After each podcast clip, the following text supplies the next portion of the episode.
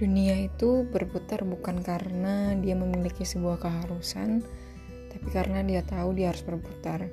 Bukan keharusan, tapi sebuah kewajiban dan kesadaran. Sama ketika misalnya aku memutuskan untuk sudah tidak ada lagi hal yang bisa diperjuangkan, maka aku sudah melalui sebuah keharusan dan itu sudah menjadi sebuah kewajiban. Bukan lagi sebuah pilihan, tapi memang sebuah ketetapan. Dan gak mudah untuk sampai pada titik ini, tapi nggak ada lagi yang bisa aku lakukan.